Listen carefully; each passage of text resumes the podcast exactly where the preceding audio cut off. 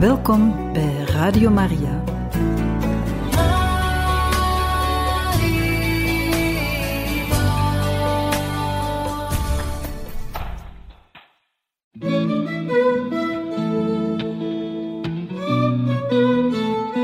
De kerk spreekt. De zorg van een moeder door de eeuwen heen.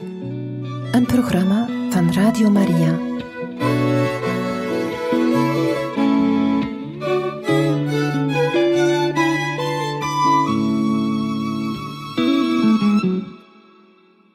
Van harte welkom, beste luisteraars van Radio Maria, bij deze uitzending van De Kerk Spreekt. Vandaag lezen wij u voor uit het document Dominus Jezus, verklaring over de uniciteit en heilbrengende universaliteit van Jezus Christus en de Kerk, geschreven door kardinaal Jozef Ratzinger prefect van de Congregatie voor de Geloofsleer, op 6 augustus 2000. De Heer Jezus gaf, voordat hij opsteeg naar de hemel, aan zijn leerlingen de opdracht het evangelie te verkondigen aan de hele wereld en alle volken te dopen. Zo lezen wij in het evangelie volgens de heilige Marcus. Ga uit over de hele aarde en verkondig het evangelie aan heel de schepping. Wie gelooft en zich laat dopen, zal gered worden. Wie niet gelooft, zal veroordeeld worden. En in het Matthäus-evangelie horen we: Mij is alle macht gegeven in de hemel en op aarde. Gaat dan, onderwijst alle volken en doopt hen in de naam van de Vader en van de Zoon en van de Heilige Geest, en leert hun te onderhouden alles wat ik u geboden heb. Zie, ik zal met u zijn alle dagen tot aan het einde van de wereld.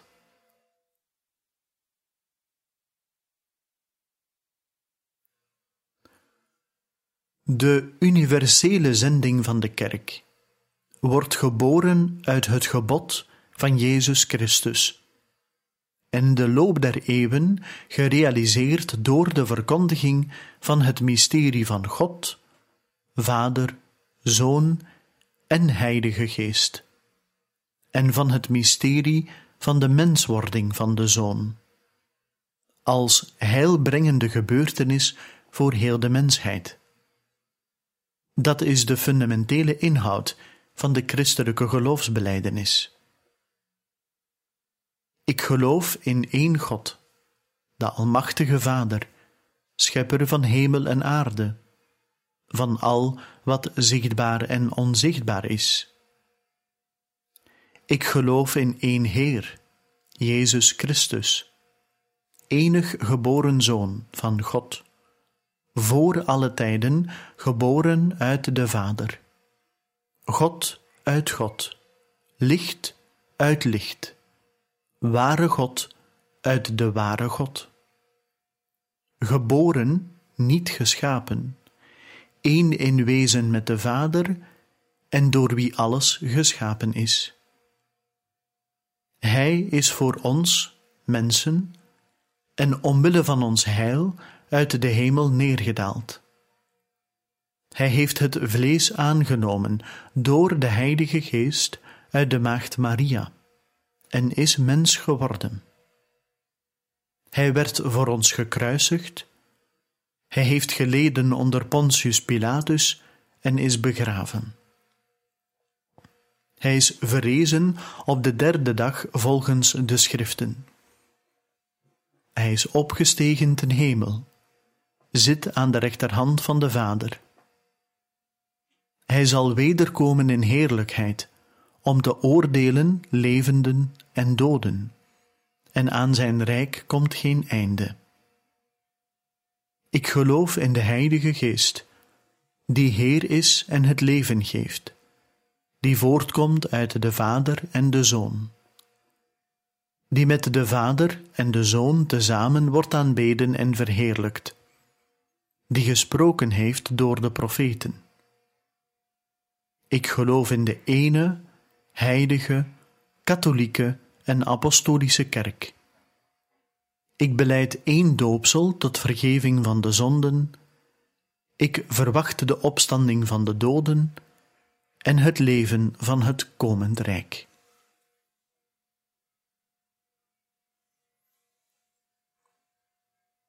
In de loop van de eeuwen heeft de kerk trouw het evangelie van Jezus Christus verkondigd en er getuigenis van afgelegd. Maar aan het einde van het tweede millennium is die zending nog verre van voltooid. Daarom zijn de woorden van de apostel Paulus over de missionaire opdracht van elke gedoopte gelovige nu actueler dan ooit. De verkondiging van het evangelie is voor mij geen reden te roemen. Het is een plicht die op mij rust. Wee mij als ik het evangelie niet verkondig.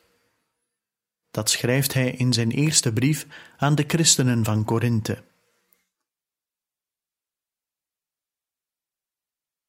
Vandaar de bijzondere aandacht van het leergezag om redenen te geven voor en ondersteuning aan de zending van de kerk tot evangelisering, bovenal in relatie tot de religieuze tradities van de wereld. Met het oog op de waarden waarvan deze godsdiensten getuigen en die zij aan de mensheid aanbieden, verklaart het Tweede Vaticaans Concilie met een open en positieve benadering ten aanzien van de betrekking van de kerk met niet-christelijke religies. De katholieke kerk verwerpt niets van wat waar en heilig is in deze godsdiensten. Zij heeft hoge achting voor de levens- en gedragswijze, de voorschriften en het onderricht die, ofschoon in vele opzichten verschillend van haar eigen leerstellingen, niettemin een straal weerspiegelen van die waarheid die alle mensen verlicht. Een citaat uit Nostra Aetate. Voortgaande in deze gedachtenlijn maakt de verkondiging van Jezus Christus de weg, de waarheid en het leven door de kerk vandaag de dag ook gebruik van de interreligieuze dialoog. Een dergelijk gesprek vervangt zeker niet de missio ad gentes, maar begeleidt haar veel eer in de richting van dat mysterie van de eenheid, waaruit volgt dat alle mannen en vrouwen die gered zijn, delen, weliswaar onderscheiden, in hetzelfde geheim van de verlossing in Jezus Christus door de Heilige Geest. Het gesprek tussen de godsdiensten, dat deel uitmaakt van de zending van de kerk tot evangelisering, vereist een houding van begrip en een relatie van onderlinge kennis en wederzijdse verrijking, in gehoorzaamheid aan de waarheid en met achting voor de vrijheid.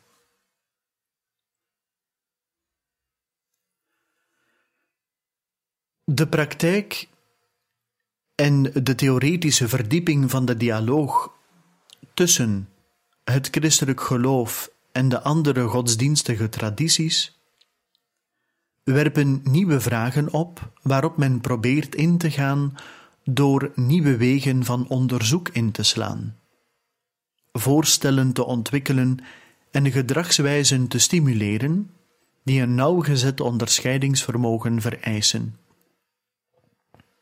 De thans voorliggende verklaring wil de bisschoppen, theologen en alle katholieke gelovigen ten aanzien van deze thematiek enkele fundamentele elementen van de christelijke leer in herinnering brengen die het theologisch onderzoek moeten helpen bij het ontwikkelen van oplossingen die overeenstemmen met het geloofsgoed en die antwoord geven op de culturele behoeften van onze tijd. De taal waarin deze verklaring is opgesteld, komt overeen met haar doel. Dit is niet op organische wijze de problematiek van de uniciteit en de heilbrengende universaliteit van Jezus Christus en van de kerk te behandelen, of oplossingen aan te dragen voor vragen die door de theologen vrij bediscussieerd worden.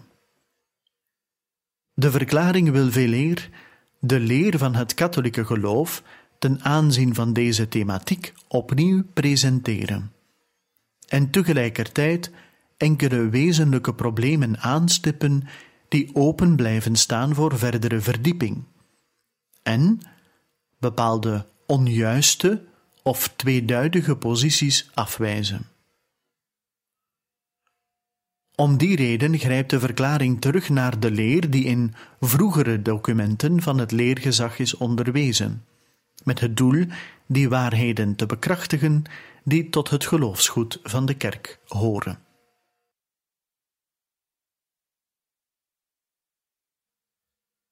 De voortdurende missionaire verkondiging van de kerk wordt tegenwoordig bedreigd door relativistische theorieën, die het religieuze pluralisme niet slechts de facto, maar ook de jure of in principe willen rechtvaardigen. Als gevolg daarvan worden waarheden beschouwd als achterhaald, zoals bijvoorbeeld het definitieve en volledige karakter van de openbaring van Jezus Christus. De aard van het christelijk geloof in verhouding tot de innerlijke overtuiging in de andere religies. De inspiratie van de boeken van de Heilige Schrift. De personele eenheid tussen het eeuwige woord en Jezus van Nazareth de eenheid van de heilsorde van het vlees geworden woord en de Heilige Geest. De uniciteit en de heilbrengende universaliteit van Jezus Christus. De universele bemiddeling van het heil door de kerk. De onscheidbaarheid, zij het in onderscheid, tussen het rijk van God, het rijk van Christus en de kerk, de subsistentie van de ene kerk van Christus in de katholieke kerk.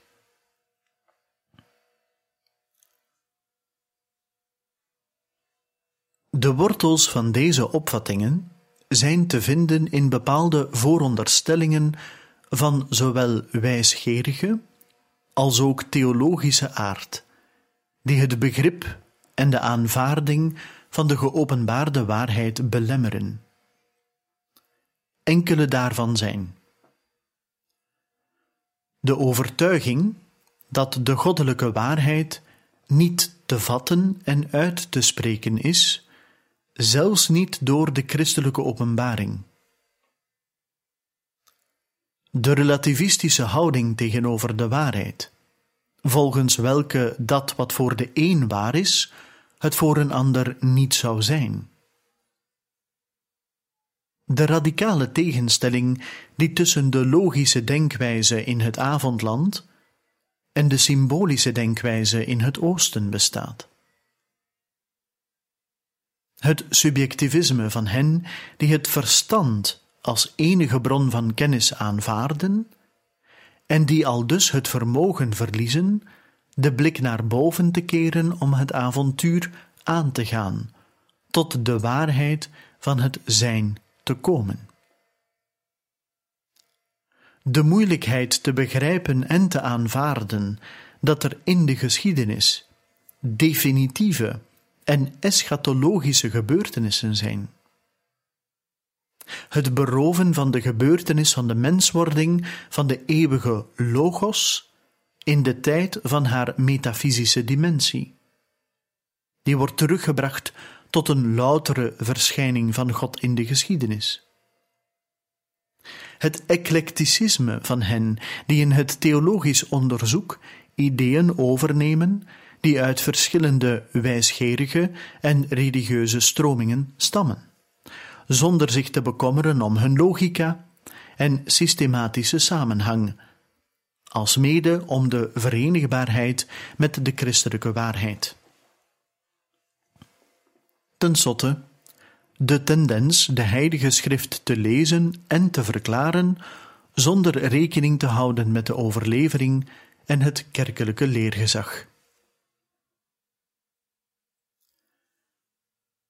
Wanneer men van dergelijke veronderstellingen uitgaat, die in verschillende nuanceringen, nu eens als beweringen, dan weer als hypotheses optreden, worden theologische voorstellen uitgewerkt waarin de christelijke openbaring en het mysterie van Jezus Christus en van de kerk hun karakter als absolute en universele heilswaarheid verliezen, of er minstens een schaduw van twijfel en onzekerheid overheen werpen.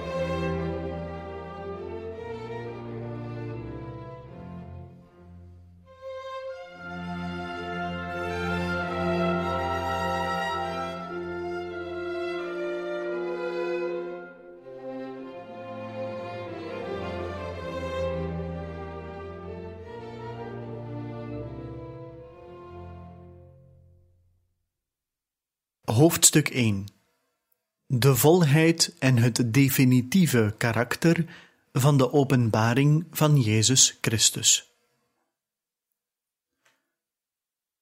Als remedie tegen deze relativistische mentaliteit, die zich steeds verder verbreidt, moet vooral het definitieve en volledige karakter van de openbaring van Jezus Christus worden bekrachtigd.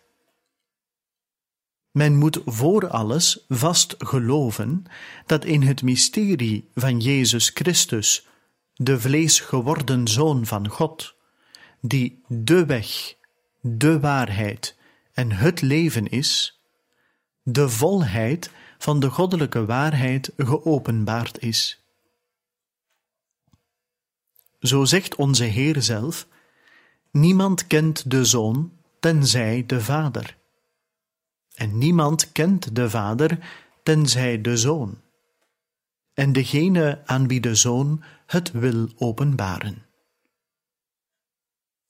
Een passage uit het Evangelie volgens de heilige Matthäus, hoofdstuk 11, vers 27. Niemand heeft God gezien, de enige geboren Zoon, die God is en aan het hart van de Vader rust, heeft hem geopenbaard. Evangelie volgens de heilige Johannes, hoofdstuk 1, vers 18. En in de brief aan de christenen van Colosse zegt de heilige apostel Paulus: Want in hem alleen woont werkelijk de hele volheid van God. Door hem zijt ook gij daarvan vervuld.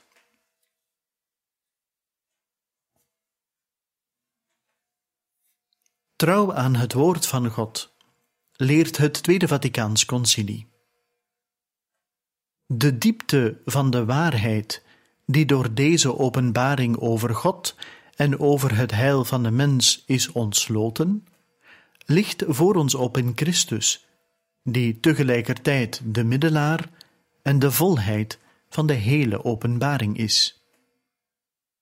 Dat lezen we in Dei Verbum. En het omschrijft nader Jezus Christus, het vlees geworden woord, als mens tot de mensen gezonden, verkondigt de woorden van God en voltooit het heilswerk dat de Vader hem heeft opgedragen. Wie hem ziet, ziet ook de Vader. Verschillende verwijzingen dus naar het Evangelie volgens de heilige Johannes. Hij is het die door zijn hele bestaan en zijn hele verschijning door woorden en werken, door tekenen en wonderen, maar vooral door zijn dood en zijn heerlijke opstanding uit de doden, en tenslotte door het zenden van de geest der waarheid de openbaring vervult, en afsluit en bevestigt met een goddelijk zijnde getuigenis. De christelijke heilseconomie, definitieve verbond, zal daarom nooit vergaan. En wij verwachten thans geen verdere nieuwe publieke openbaring voor de verschijning van onze Heer Jezus Christus in heerlijkheid. De encycliek Redemptoris Missio onderstreept dat de kerk de opdracht heeft het evangelie als de volheid der waarheid te verkondigen. Een citaat. In dit definitieve woord van zijn openbaring heeft God zich op de meest volledige wijze doen kennen. Hij heeft aan de mensheid gezegd wie hij is. Deze definitieve zelfopenbaring van God is het fundamentele motief waarom de kerk krachtens haar natuur missionair is. Zij moet het evangelie verkondigen, dat we zeggen de volheid van de waarheid die God ons over zichzelf heeft doen kennen. Alleen de openbaring van Jezus Christus brengt dus in onze geschiedenis een universele en laatste waarheid binnen, die het verstand van de mens ertoe uitdaagt nooit te blijven staan.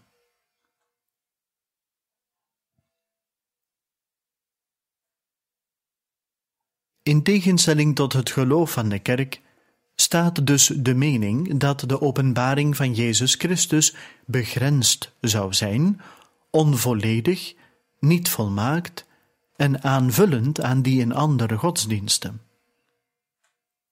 De diepste oorzaak van deze mening ligt in de bewering dat de waarheid van God, in haar universaliteit en volkomenheid, door geen enkele historische religie, dus ook niet door het christendom, en zelfs niet door Jezus Christus bevat en verkondigd kan worden. Deze opvatting is in radicale tegenspraak met de voorafgaande geloofsuitspraken, volgens welke in Jezus Christus het heilsmysterie van God geheel en volledig geopenbaard is.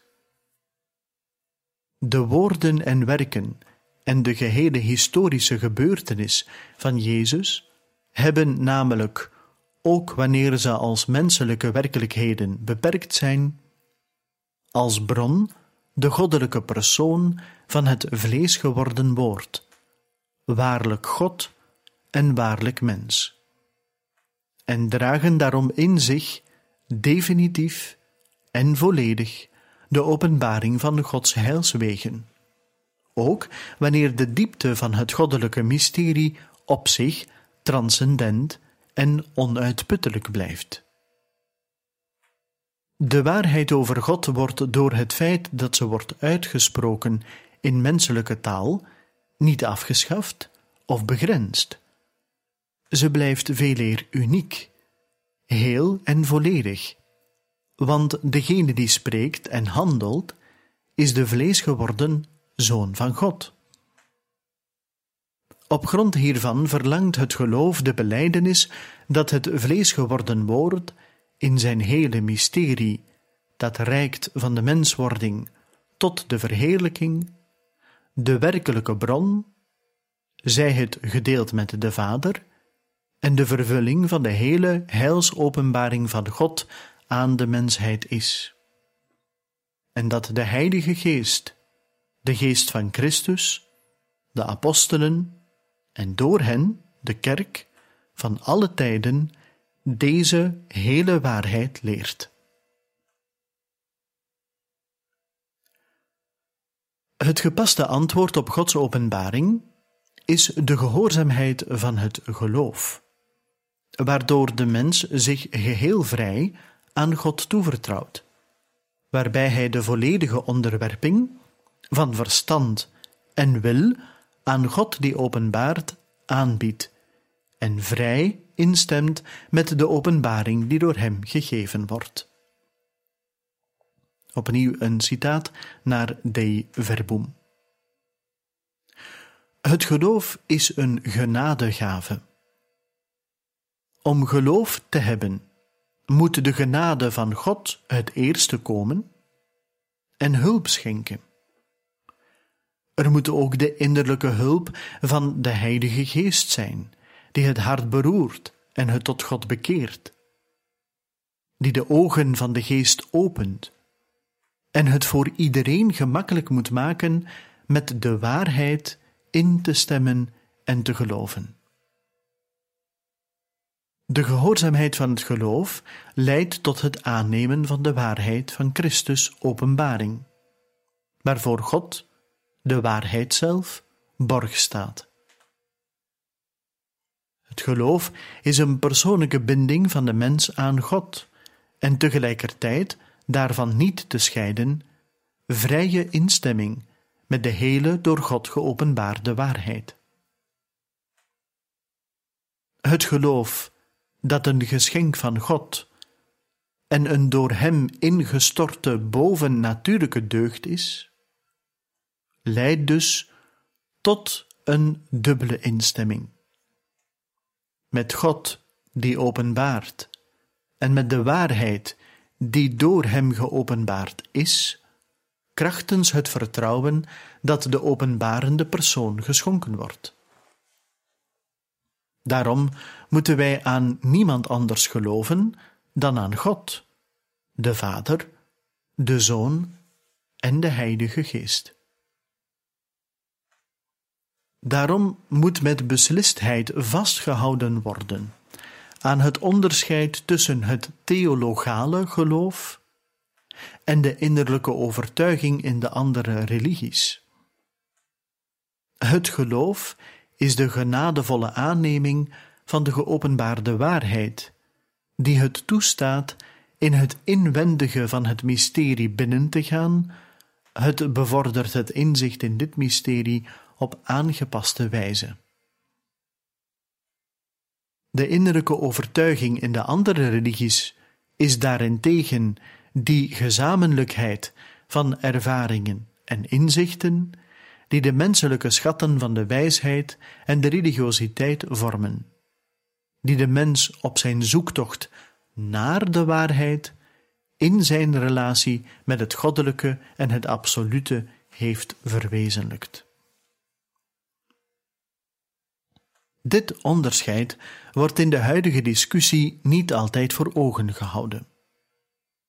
Het theologale geloof, het aannemen van de door de ene en drievuldige God geopenbaarde waarheid, wordt daarom vaak gelijkgesteld met de innerlijke overtuiging in de andere religies, dus met een religieuze ervaring die nog op zoek is naar de absolute waarheid en waaraan de instemming met de zich openbarende God ontbreekt. Daarin schuilt een van de oorzaken voor de neiging de verschillen tussen het christendom en de andere godsdiensten af te vlakken en soms zelfs op te heffen. De hypothese van de geïnspireerde waarde van de heilige geschriften van andere godsdiensten rijst ook op. Zeker, erkend moet worden dat er bepaalde elementen in deze teksten voorkomen die, de facto, middelen kunnen zijn waarmee talloze mensen in de loop van de eeuwen in staat waren en vandaag de dag nog zijn, hun levensband met God te voeden en te onderhouden.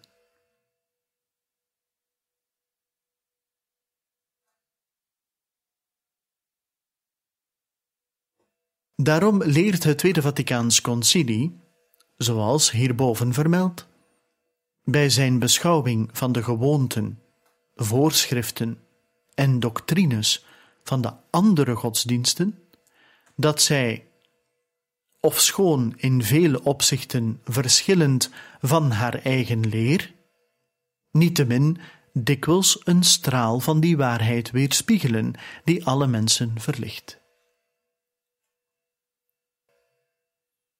De traditie van de kerk echter behoudt de benaming geïnspireerde geschriften voor aan de kanonieke boeken van het Oude en van het Nieuwe Verbond, aangezien zij door de Heilige Geest zijn geïnspireerd.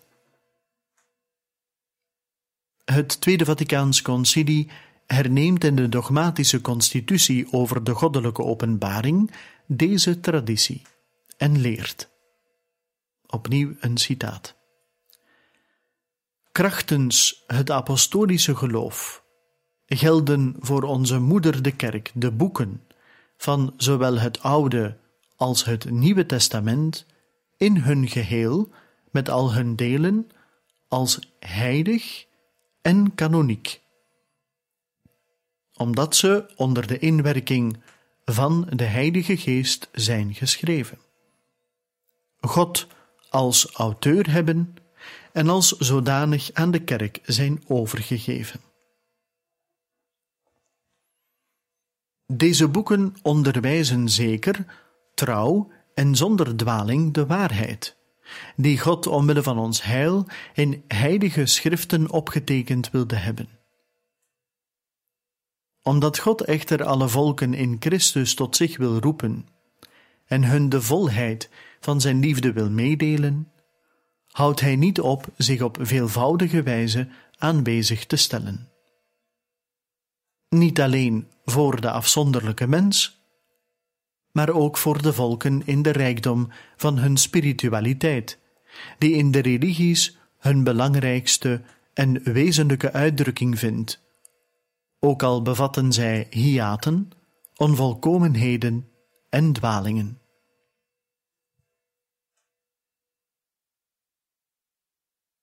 De heilige boeken van andere godsdiensten, die feitelijk het leven van hun aanhangers voeden en leiden, ontvangen zo van het mysterie van Christus die elementen van het goede en van de genade die zij bevatten.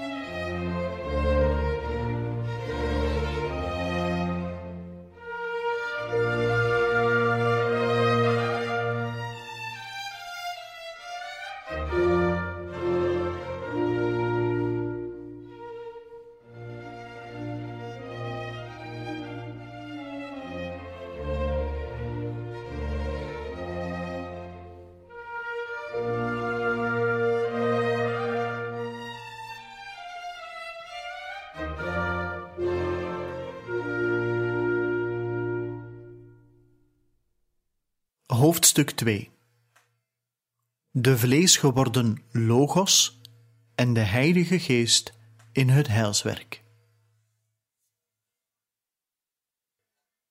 In het huidige theologische debat wordt Jezus van Nazareth vaak benaderd als een bijzondere historische figuur die begrensd is en het goddelijke heeft geopenbaard op een manier die niet exclusief is, maar aanvullend aan andere openbarende heilsfiguren. Het oneindige, het absolute, het laatste mysterie van God zou zich op vele manieren en in vele historische figuren aan de mensheid tonen. Jezus van Nazareth zou één van hen zijn. Nog concreter. Hij zou een van de vele gezichten zijn die de Logos in de loop van de tijd zou hebben aangenomen om aan de mensheid het heil te bemiddelen. Om van de ene kant de universaliteit van het christelijke heil en anderzijds het feit van het religieuze pluralisme te rechtvaardigen, wordt bovendien nog onderscheid gemaakt tussen een heilsorde van het eeuwige woord die ook buiten de kerk en zonder betrekking met haar zou gelden, en een heilsorde van het vlees geworden wordt. De eerstgenoemde heilsorde zou universeler zijn dan de tweede, die zich alleen tot de christenen zou beperken. Zij het dat God daarin in rijkere mate aanwezig zou zijn. Deze opvattingen zijn in radicale tegenstelling met het christelijk geloof. Men moet namelijk vast geloven dat Jezus van Nazareth, de zoon van Maria, en alleen Hij, de Zoon en het Woord van de Vader is. Het Woord dat in het begin bij God was, is hetzelfde dat vlees geworden is. Jezus is de Messias, de Zoon van de levende God. In Hem alleen woont werkelijk de hele volheid van God. Hij is de enige die God is en die rust aan het hart van de Vader. Door Hem hebben wij de verlossing, want God wilde met Zijn hele volheid in Hem wonen om door Hem alles te verzoenen, alles in de hemel en op aarde wilde hij naar Christus voeren, die vrede heeft gesticht aan het kruis door zijn bloed. Hier volgden verschillende citaten uit het Evangelie volgens de heilige Johannes en Matthäus, als ook uit de brief aan de christenen van Colosse, geschreven door de heilige apostel Paulus. Om onjuiste en versmallende interpretaties af te wijzen, heeft het eerste concilie van Nicea, trouw aan de Heilige Schrift, plechtig het geloof gedefinieerd in Jezus Christus, de Zoon van God, als enig geborene uit de Vader voortgebracht, dat we zeggen uit de substantie van de Vader, God uit God, licht uit licht, ware God uit de ware God, geboren, niet geschapen, één in wezen met de Vader, door wie alles geschapen is, wat in de hemel is en wat op de aarde is, die omwille van ons mensen en omwille van ons heil is nedergedaald en vlees en mens geworden is, geleden heeft en is opgestaan op de derde dag, opgestegen is naar de hemel en komt om levenden en doden te oordelen. In navolging van hetgeen de vaders hadden geleerd, beleed ook het concilie van Chalcedon onze Heer Jezus Christus als één en dezelfde Zoon.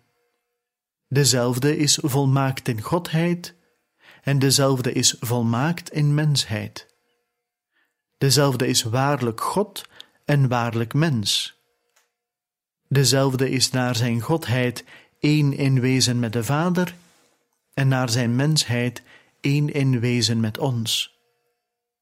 Dezelfde werd enerzijds naar zijn Godheid voor de tijden geboren uit de Vader, anderzijds naar zijn mensheid in de laatste dagen voor ons en omwille van ons heil geboren uit de heilige maagd Maria, moeder van God.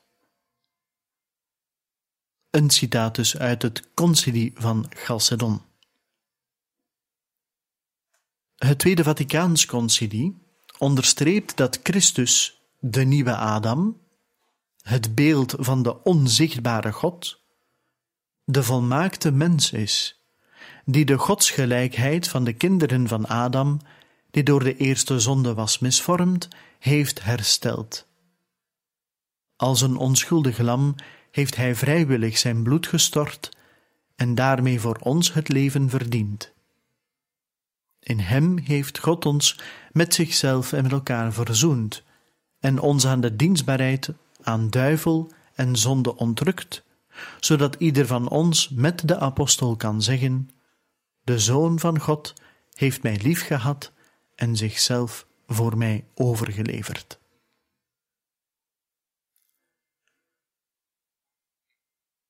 In dit verband heeft Johannes Paulus II uitdrukkelijk verklaard: Het is in strijd met het christelijk geloof een scheiding in te voeren tussen het Woord en Jezus Christus. Jezus is het mens geworden Woord, één enkele en ondeelbare persoon. Christus is niemand anders dan Jezus van Nazareth, en deze is het woord van God dat mens is geworden voor het heil van allen. Terwijl wij alle soorten gaven gaan ontdekken en waarderen, vooral de geestelijke rijkdommen die God aan ieder volk heeft uitgedeeld, mogen wij ze niet losmaken van Jezus Christus, die in het centrum van Gods heilsplan staat. In tegenstelling met het katholieke geloof is ook de scheiding tussen het heilshandelen van de Logos als zodanig en het heilshandelen van het woord dat is vlees geworden. Met de menswording worden alle heilsdaden van het woord van God steeds in eenheid met zijn menselijke natuur volbracht, die het tot heil van alle mensen heeft aangenomen. Het enige subject dat in beide naturen, de goddelijke en de menselijke, handelt, is de enige persoon van het woord. Daarom is de theorie die aan de Logos als zodanig in zijn godheid een heilshandelen toeschrijft dat hij ook na de menswording boven of voorbij zijn mensheid zou uitoefenen, onverenigbaar met de leer van de kerk. Op dezelfde wijze moet ook vast geloofd worden dat er slechts één enige, door de ene en drievuldige God gewilde heilsorde bestaat, waarvan de bron en het centrum het mysterie van de menswording van het woord is, van de middelaar van de goddelijke genade in de scheppings- en in de verlossingsorde, in wie alles verenigd is. Die God voor ons tot wijsheid heeft gemaakt, tot gerechtigheid, heiliging en verlossing, zoals de heilige apostel Paulus schrijft in zijn eerste brief aan de Corinthiërs.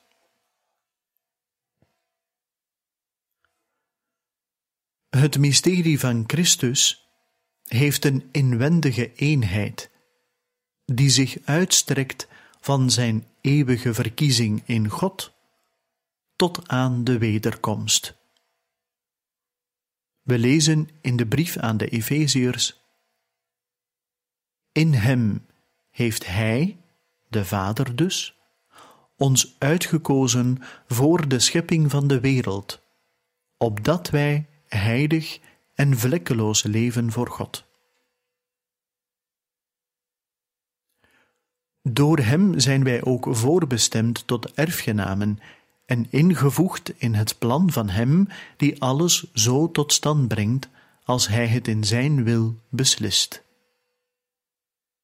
We lezen in de brief aan de Romeinen: Want wie Hij tevoren heeft gekend, heeft Hij ook tevoren bestemd gelijkvormig te zijn aan het beeld van Zijn Zoon, opdat deze de eerstgeborene zou zijn onder vele broeders.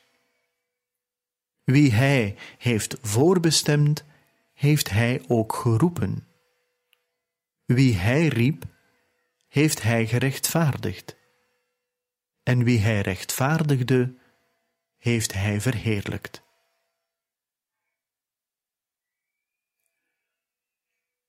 Trouw aan de goddelijke openbaring bevestigt het leergezag dat Jezus Christus de universele middelaar en verlosser is. Gods woord, waardoor alles geschapen is, is zelf vlees geworden om als volmaakte mens allen te redden en het al te omvatten. Hem heeft de Vader uit de doden doen opstaan, verheven en aan zijn rechterhand geplaatst. Hem heeft Hij tot rechter over de levenden en de doden aangesteld. Dit middelaarschap van het heil houdt ook de uniekheid in van het verlossende offer van Christus, de eeuwige hoge priester.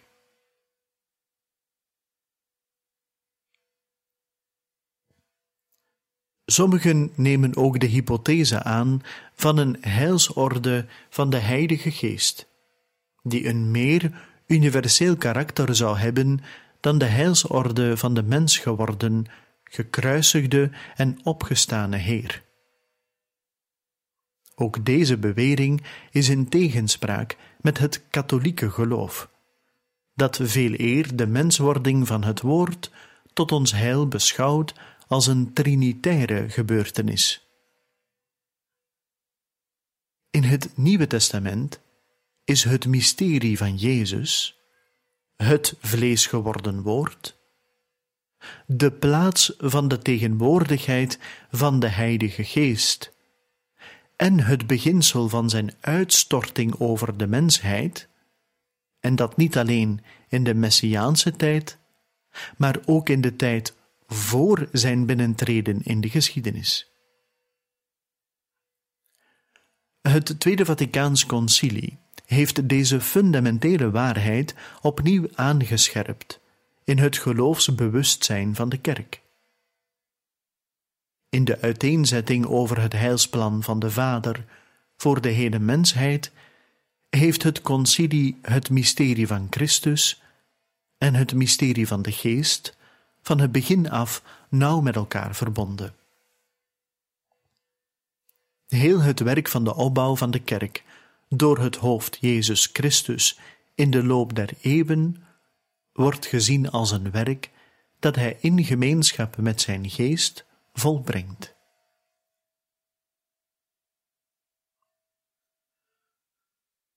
Bovendien strekt het heilswerk van Jezus Christus met en door Zijn geest zich uit over de zichtbare grenzen van de kerk heen, tot de hele mensheid. Over het paasmysterie, waarin Christus nu reeds met de gelovigen een levende gemeenschap vormt in de geest en hem de hoop op de verrijzenis schenkt, leert het concilie het volgende.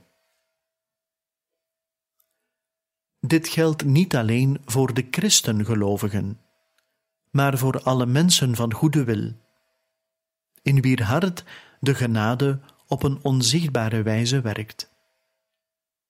Aangezien immers Christus voor allen gestorven is, en daar er voor alle mensen slechts één uiteindelijke roeping is, namelijk een goddelijke, moeten wij eraan vasthouden dat de Heilige Geest aan allen de mogelijkheid schenkt, op een wijze die aan God bekend is, aan dit paasmysterie deel te hebben.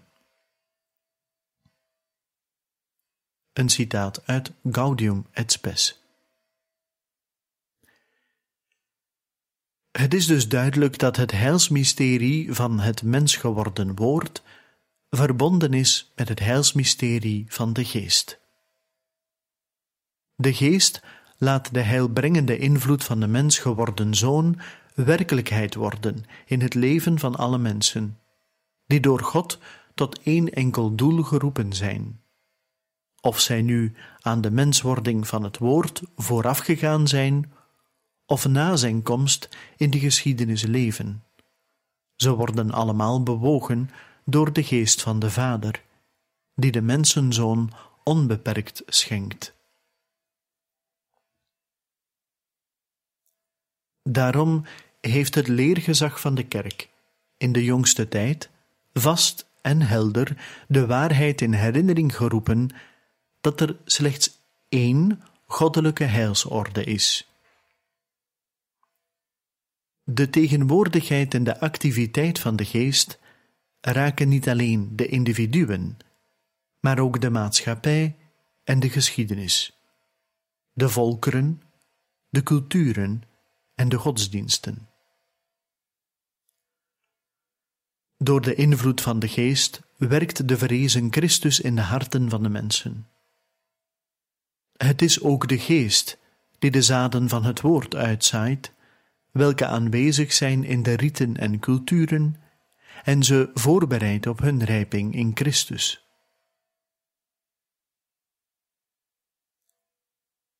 Het leergezag erkent de heilshistorische functie van de geest in het hele universum en in de hele geschiedenis van de mensheid.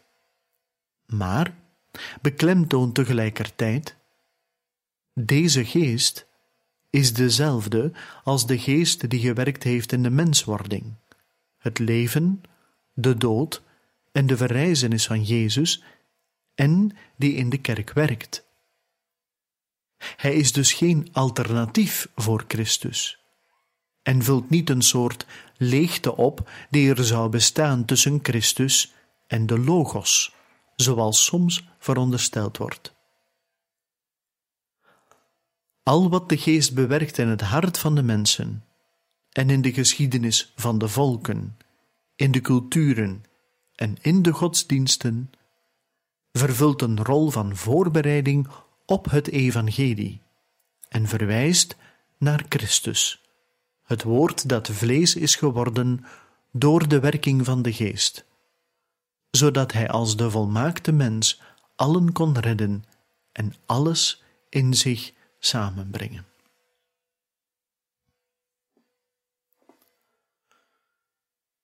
Het werken van de geest gebeurt dus niet buiten of naast het werken van Christus. Er bestaat slechts de ene heilsorde van de ene en drievuldige God, die in het mysterie van de menswording van de dood en de verrijzenis van de Zoon van God werkelijkheid wordt, en die door de medewerking van de Heilige Geest tegenwoordig wordt gesteld en in zijn heilsbetekenis wordt uitgebreid tot de hele mensheid en het heelal. De mensen kunnen dus alleen door Christus in gemeenschap met God treden onder de werking van de Geest. Opnieuw een citaat uit Redemptoris Missio. Geschreven door de heilige paus Johannes Paulus II op 7 december 1990. Zo dierbare luisteraars, we zijn aan het einde gekomen van deze aflevering van het programma De Kerk spreekt, waar we u voorlazen uit het document Dominus Jezus. Verklaring over de uniciteit en heilbrengende universaliteit van Jezus Christus en de Kerk. Geschreven door kardinaal Jozef Raatzinger, de latere paus Benedictus XVI, toen hij prefect was van de Congregatie voor de Geloofsleer op 6 augustus 2000. Een volgende keer gaan wij verder met het en zullen we dit document verder ontdekken. Ik dank u van ganser harte voor het luisteren en graag tot een volgende keer.